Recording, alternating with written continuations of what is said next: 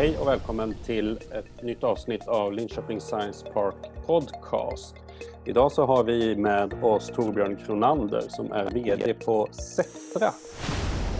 Välkommen till eh, podden Torbjörn. Tackar så mycket. Innan vi drar igång så tänkte jag att du kan eh, presentera dig själv kanske och Sectra. Vem är du och vad, vad gör ni?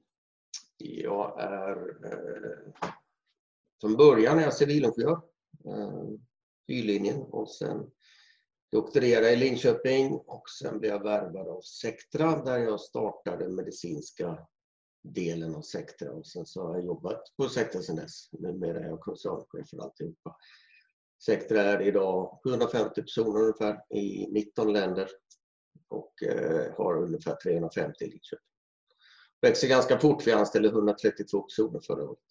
Hur skulle du eh, beskriva läget i, i Sverige och världen idag? Jag kan säga det, det är inte så ofta man ska göra, tycker jag, eller det låter fel, men det är inte så ofta som man känner sig stolt över att vara svensk idag, men just nu tycker jag man är det. Men Sverige har tagit det något lite mindre panikslaget. Man är beredd att göra mer, men man har inte riktigt gått i panik som man har gjort i många andra länder. Det är ju en avvägning, läget. Alltså att gå i panik är det bästa man kan göra. Jag tycker Sverige sköter det här bra. Utomlands så har man ju reagerat väldigt mycket starkare. Nu är man som Italien och Spanien så är det motiverat med det, det antal dörrar man har. Där. Men att stänga skolorna till exempel skulle ju vara väldigt destruktivt. Det är som att då skicka hem en massa människor som håller samhället igång. Så att jag tycker att det, det, är inte riktigt så illa som det låter. De flesta som dör är, är ändå äldre och, och, eh, det låter också väldigt hårt men det är faktiskt en del av livet att dö också.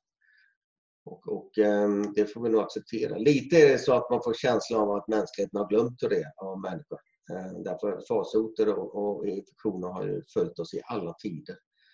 Och nu har hela världen gått väldigt mycket i panikläge runt det. Jag tror att vi kommer igenom det här. Det kommer att vara otroligt smärtsamt och många kommer att dö, men de flesta som kommer att dö kommer att vara äldre. Um, och det är viktigt det också, men, men um, det kunde ha varit mycket, mycket värre. Tänk om det hade varit en, en, en influensa som hade dödat 30% av alla barn. Det, skulle man inte. det är ingen omöjlig scenario. Så jag hoppas verkligen att, man, att världen lär sig av det här och nästa gång vi får en influensa, för kommer vi att få tillbaka, att vi då är väsentligt bättre på att hantera det och ta det här som ett skrämselskott för en riktigt allvarlig, så då kommer den också så småningom. Hur påverkar det här Sectra idag då? Det är väl vi är någonstans mitt emellan. Jag var med på ett möte med ett antal andra företag på Länsstyrelsen i fredags. Och det, det, ju, det här är ju total katastrof för många företag. Besöksnäringen, hotell. Alltså det slår ju undan hela branscher. Eh, det som, det som har hänt här. Eh, och sen finns det en annan ände. Getinge, eh, Fiskeby som gör liksom grejer som direkt exploderar eh, efterfrågan på deras ventilatorer och kartonger, inte minst för hemleverans av mat och annat. Så att vi är någonstans mittemellan. Det påverkar oss inte jättemycket. Vi fortsätter rekrytera. Eh, vi växer. Vi ser då att en del av de projekt vi jobbar med är kanske inte riktigt lika eh, akuta som de var förut. Man skjuter upp sjukhusen då som vi ofta sa som kund, skjuter upp en del av sina projekt när man har en akut virusinfektion. Det är inte då precis man helst vill prova ett nytt IT-system ovanpå allting annat. Så vi ser vissa fördröjningar. Men vi ser också till exempel, vi kom ut med en pressrelease idag om att vi har home reading, alltså att patologer i USA nu kan diagnostisera hemifrån utan att åka in till jobbet. Och det är klart att det är ju jätteefterfrågan på. Läkare som inte behöver åka till jobbet kan ju också jobba hemma. Så det är, liksom, det är någonstans mitt i. Vi påverkas, eh, inte jättemycket på kort sikt, lite mer på lång sikt. Det är klart om mässor blir inställda som det har blivit nu så den försäljning som skulle ha uppstått av de mässorna om ett år, så här, den, den kommer ju minska. Men vi ser andra saker där vi har produkter som exploderar. Eh, vi har också till exempel en Inom medicinsidan så utbildar vi eh, läkare, läkare läkarstudenter med en, en elektronisk portal. Och den där, när man har stängt alla universiteten, då blir det hyperhett. Så vi eh, drog igång på La Sapienza i Rom, som är Italiens mest kända eh, universitetssjukhus. Både och. både och. Vi är någonstans i mitten. Om man eh, tittar historiskt, Sectra har ju funnits med ganska länge vid det här laget. Vad, finns det några andra tillfällen då, då du har behövt agera i krissituation där det liksom varit mer illa ute så att säga? Ja, det har ju varit. Vi hade före 2005 var vår absolut största försäljning via Philips. Philips medicinska system som sålde våra system, eller vi sålde i hela världen. Vi sålde bara eh, i Sverige och Norge direkt och i övrigt via Philips. Och sen köpte Philips en konkurrent. Där försvann 60% av vår omsättning. Vi satt kvar med hela kostnaden. Mm. Och det var för Sectras del, inte för världens del, men för Sectras del en väsentligt värre kris än det här. Då fick vi säga upp 40 personer i Sverige och samtidigt som vi anställde serviceingenjörer utomlands och, och då var det risk för hela företaget. En sån eh, situation när 60% av försäljningen försvinner, vad, vad, ställer det för krav på dig som ledare för en organisation då? Det är som i alla situationer, likadant med viruset, håll huvudet kallt. Don't panic. Det är liksom den, den gyllene regeln. Man får aldrig få panik. För det tar man, för då tar, våra hjärnor funkar inte bra i paniksituationer. Utan håll huvudet kallt, prata med andra som har runt omkring sig. Ta råd, prata med folk. Till exempel när försäljningen försvinner på det här viset. Prata med folk, be om råd, hitta utvägar. Var inte sentimental. Ibland måste man skära ner. Att säga upp 40 personer är nog det bästa jag har gjort i hela mitt yrkesliv. För det försvann väldigt många som jag hade som nära kamrater också. Men det var nödvändigt och vi gjorde det. Så att håll huvudet kallt och gör inget överlagt. Prata med andra och sen tar man beslut baserat på så mycket fakta man kan få tag på. Och sen genomför man stenhårt och fort. Det finns ingen anledning att dra ut på dåligheter. Utan det är därför man genomför. Och eh, ibland går det. Det gick för oss. Eh, hade ni någon särskild eh, strategi eh, när ni hanterade det där som du liksom förhåller dig till idag? Eller var det, är det tuta och köra? Återigen, det finns alltid möjligheter i alla kriser. Det är mycket som går fel men det finns alltid något som öppnar sig, en möjlighet som man kan ta. Eh, jag såg igår på Maxi att Stångs restauranger här i stan, de säljer nu liksom middags, eh, färdiga middagar som man kan göra affärer hemma på Maxi. Ja, men det är ju genialt. Det är en helt ny affärsidé. Du köper en Maxi-kasse med en stångs fin restaurangmiddag som du kan fixa till det sista på hem.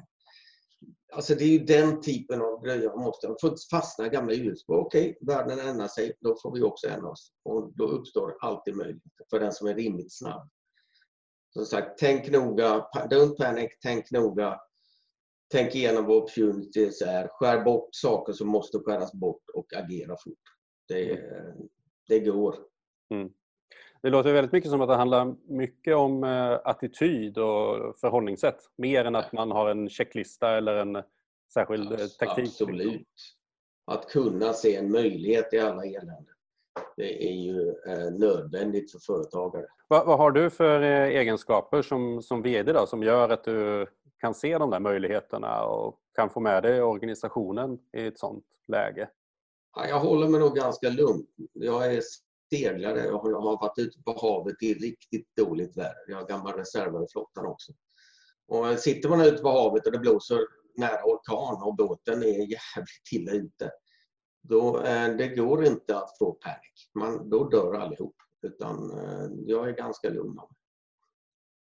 Samtidigt så sitter jag inte still. Det tror jag också är helt nödvändigt. För det finns två saker som gör att organisationen blir, blir väldigt orolig. Det ena är om ledaren får panik och springer fram och tillbaka och det är uppenbart att ledaren är orolig och nervös. Det, då, då blir alla, då springer alla som urhus. Och det andra är om, om ledaren då inte gör någonting trots att alla ser att man har en kris. Båda de här lägena är dåliga. Utan lugn och sansat och så agera och så agera väldigt tydligt och väldigt snabbt när man väl har tagit beslutet tror jag är viktigt. När man tar ett sådant beslut om att eh, man måste skära bort väldigt mycket personal till exempel, som, eh, det är något som många företagare verkar stå inför just idag. Ehm, hur, eh, hur tänker du kring, kring det? Vad är det som gör att du liksom känner att den typen av besked funkar för dig att att leverera. Liksom. Alternativet är att alla måste få sluta. Ytterligare en månad bort när hela företaget går under. Och det viktiga är att man inte gör det här kallt och liksom okänsligt utan det är klart att de människor man säger upp mår oerhört dåligt. Och om man inte själv mår dåligt av det ska man inte vara chef alls. Eh, utan det här är ju skitjobbigt, men det måste göras. Och då får man ta ett enskilt samtal med var och en och säga att läget är som det är. Och vi kan inte göra någonting åt det. Och tyvärr är du en av dem som vi nu måste ta bort här. Och, och ehm, Sen ska man inte som ett litet företag gå efter first in first out utan man får faktiskt komma överens med fakta, att behålla den eh, spetskompetensen. Det är, det är de som räddar företaget. Man kan inte, människor är inte liksom bara exakt lika utan det är de absolut bästa man måste försöka behålla. Och sen får man ta konsekvenserna genom att prata med antingen facket eller betala böter för att inte göra på det viset. Mm. Det värsta man kan göra är att säga upp saker som alla de unga försvinner. Eh, det är ju inte en bra situation. Hur, eh, hur påverkar det här eh, kulturen i ett företag? Ni, Sectra till exempel, du har gjort dig känd för att du träffar alla anställda, alla som ni anställer, nyanställer i bolaget till exempel. Jag ja, föreställer mig att det sätter en väldigt speciell prägel på, på kulturen i organisationen det är inte bara jag, men, men vi brukar ju säga att när man, när man har en kris, va, du kan komma ur en kris otroligt mycket starkare än du gick in i den om du hanterar det rätt. Det finns ingenting som svetsar ihop människor så mycket som en, som en kris. Eh, men du kan också förstöra hela företaget. Och det handlar om, det är precis som jag sa förut. Gör något. Ta in fakta, ta ett beslut, kommunicera beslutet och genomför det. Mm. Så att personalen ser att ja, ledningen fungerar och håller huvudet kallt. Hur kommunicerar, hur ska man som företagsledning eh, kommunicera i ett, sån, eh, ett sånt sammanhang med eh, personalen? Jag tror att man ska vara extremt öppen. Där tror jag politikerna gör fruktansvärt fel när man försöker skydda befolkningen från information som är dålig. Och lite grann har attityden att man kanske vet bättre än befolkningen vad befolkningen behöver. Där det där fungerar inte. Utan är det dåligt så berätta om att det är dåligt och var jätteöppen. För är man inte öppen, vi hade en fantastisk styrelseordförande förut, Karl-Erik Ridderstråle som var en gammal industriman. Han sa en gång till mig att människor, vi, vi som människor har behov av information. Vi vill ha täcke över oss. Som är den information som berör oss och vår framtid. Och är det hål i det där täcket, då fyller vi i de hålen. Och är det inte någon som har berättat vad som finns i det informationstäcket, då fyller vi i det med det bästa tänkbara scenariot för oss själva. Och om någon anledning så är det så, inte det mest troliga eller det bästa, utan det bästa tänkbara scenariot fyller vi i de där hålen. Och sen utgår vi från som om det var sanningen. Och man, måste glömma, man får inte glömma det att om folk inte har full information om saker, då fyller de i det med det värsta tänkbara för dem själva och utgår från att det är, är, är sanningen i sitt handlande och sina beslut. Och det är det sämsta tänkbara utgång man kan ha. Fyller man i det där med verkliga fakta istället så händer ju inte det. Så total öppenhet. Väldigt, desto värre det är, desto öppnare ska man vara mot sin personal. Är det alltid självklart vad man kan, eh, vad man kan dela med sig av? Det finns saker, eh, om, om det skulle hända någonting på personligt plan eller psykologiskt plan kanske man inte ska säga hela sanningen. Men man ska säga sanningen och man ska säga så mycket som det någonsin går. Om vi skulle få någon som är svårt sjuk kan inte jag säga vem det är. Det är liksom inte tillåtet. Men, men eh, grundinställningen ska vara fullständig öppenhet. Då får man folk med sig också. Man har ett gemensamt problem. Om man upplever som personal att nej, det är bara ledningen som sitter i sitt lilla hålrum och bestämmer om det här som berör mig och oss allihop. Då får du inte folk med dig. Du måste öppet. Och då, då uppstår massor med kreativitet om man vågar vara öppen. Lita på folk. Viktigt. Hur har ni jobbat med eh, att inkludera personalen i sådana sammanhang? Att, eh, alltså liksom till exempel skapa nya möjligheter och den typen av processer. Det gäller att låta folk komma med bra idéer och, och, inte bestraffa dåliga idéer. Ska man få stopp på kreativiteten så ska man ju raljera eller bestraffa misstag. Det får man inte göra. Utan berätta som det är, berätta vad man har för problem, berätta när man inte vet vad man ska göra. Det är också viktigt. Ibland vet man inte. Då får man säga, vi vet inte vad vi ska göra med det här. Kom gärna med idéer, men vi måste ha bestämt oss i övermorgon. Ja, då får man göra det. Och så bestämmer man sig övermorgon, även om man inte har full fakta då. Men det uppstår enormt mycket kreativitet och bra idéer om man bara är öppen om saker. Vad har varit eh, det mest utmanande som du har eh, upplevt som, eh, som VD eller som, som ledare? Vad har hållit dig mest vaken om natten?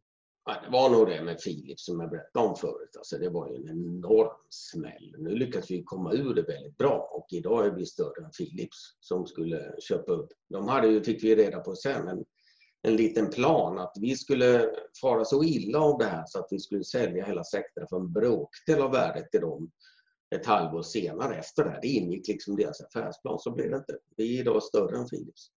Och vi förlorar aldrig en affär till dem. Eh, så att eh, man får vara lite sån här, liksom, säga, kan man säga, revanschlusta också och sprida det. Det är otroligt kul när man kommer ur saker på bättre och starkare sätt än man gick in i en kris. Mm. Och det kan man ofta göra. När man befinner sig i ett normalläge i ett företag och saker och ting rullar på förhoppningsvis och man ser en framtid och så plötsligt händer någonting sådant. Man tappar en massa försäljning eller det händer någonting annat. Hur, eh, hur har ni jobbat för att eh, organisationen ska vara riggad för att kunna hantera sådär? Att kunna ställa om eller kunna tänka om? Liksom? Och först och främst att ledningen kan hålla huvudet kallt när sånt här händer. Och alla kanske i ledningen kanske inte kan det. Då får man hjälpa till så att de kan det. Det är jätteviktigt. Och sen så ska man ju se till att man har eh, vikarie vikarier för alla positioner så att om jag skulle trilla under en buss här eller bli sjuk så vet alla att ja, men då funkar företaget ändå. Alla i hela företaget ska ha en klar successionsordning så att det kanske inte blir likadant som det var men det fungerar i alla fall något. Och det här är kommunicerat väldigt tydligt. Och så gäller det att plocka bort orosmoment så att folk tittar, tittar sig i naveln hela tiden och undrar hur det ska gå för dem. Utan vara helt öppen. Så här, det här vet vi inte och det här vet vi. Och så kör man på det. Mm. Mm. Men det här med öppenheten är jätteviktigt.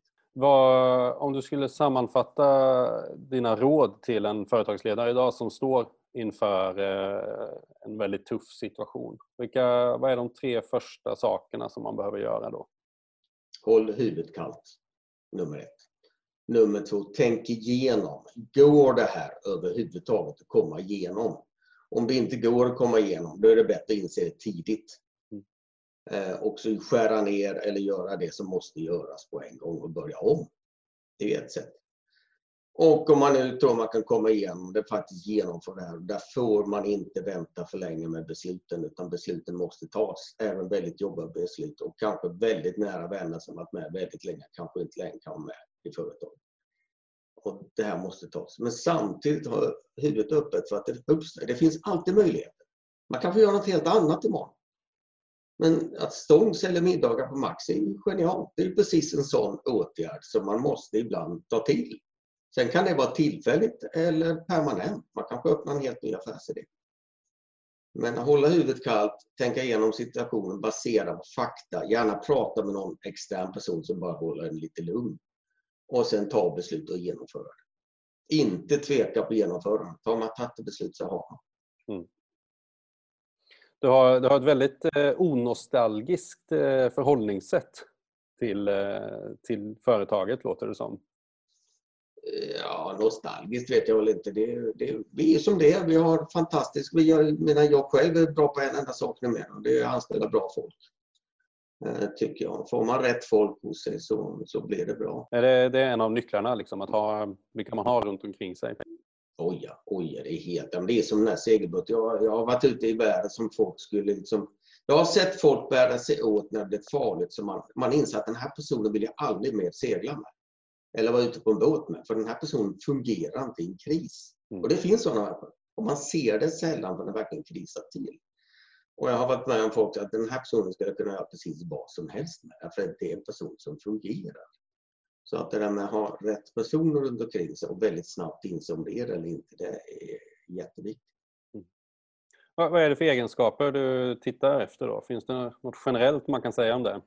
ofta ser du inte den här krishanteringen. Då. Där ser du ofta inte det för det verkligen blir en kris. Eh, du kan ha en intuition om det, men jag har sett folk som jag aldrig trodde skulle reagera som de gjorde när det blev riktigt farligt. Och jag har sett folk som, har, som växer på ett märkligt sätt. Jag tycker jag ser det i USA lite grann på Cuomo i, i, i, i eh, New York nu, som stiger upp från att vara åker medioker bakgrundsborgmästare till att bli den mest lyssnade i hela USA. Vissa, vissa växer i kriser.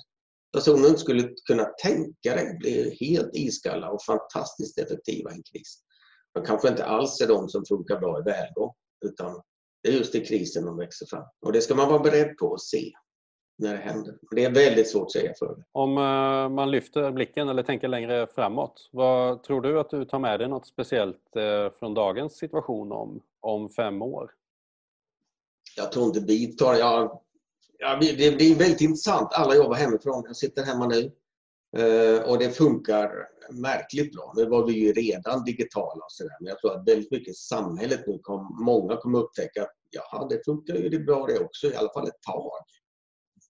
Eh, jag tror inte, jag är inte sådär, jag har varit med om värre saker än det här. Eh, men jag hoppas, hoppas att samhället lär sig att man, ingen är osårbar. Alltså. Memento mori sa slaven till Caesar på triumfvagnen. Och det kanske någon skulle säga till vår, sagt till vår regering från Persson, Reinfeldt till Löfven att, att skära ner beredskapslagren. Det är ju det är ju så illa som man kan nästan inte beskriva. Så jag hoppas samhället lär sig att ja, shit happens och det kommer att hända igen. Så det är bättre att förbereda sig i tid för. Är det, är det mer en, eh, en samhällskris som det är idag än en företagskris? Ja, för, för oss är det det. Ja. För oss är det det. Eh, på Sectra. Vi jobbar med medicinsk teknik. Vi har väldigt många långa kontrakt. Som, och sjukvården måste ju fungera. Stannar våra grejer, stannar sjukvården. Vår service, kanske hela företaget, är nu orienterat runt att hålla våra system igång. För stannar röntgenavdelningen, då stannar allt. Så det vet alla, så vi kör support hemifrån och vi har förberett det, så vi visste att vi skulle kunna köra support hemifrån. Så att, men det är klart för vissa företag är det här en fullständig katastrof. Det, det är alltså om all försäljning försvinner. Speciellt de här säsongsbolagen som kanske har all försäljning på sommaren och intäkt, eller kostnaderna på, på vintern.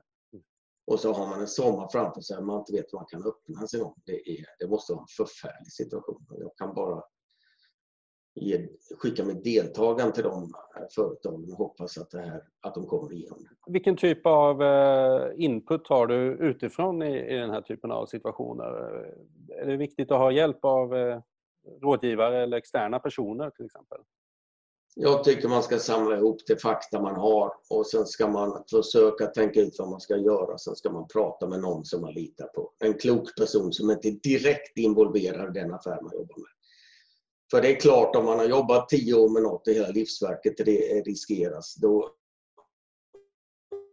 är man, tänker man, man inte riktigt kallt, även om man försöker göra det. Utan ha någon som man kan diskutera med.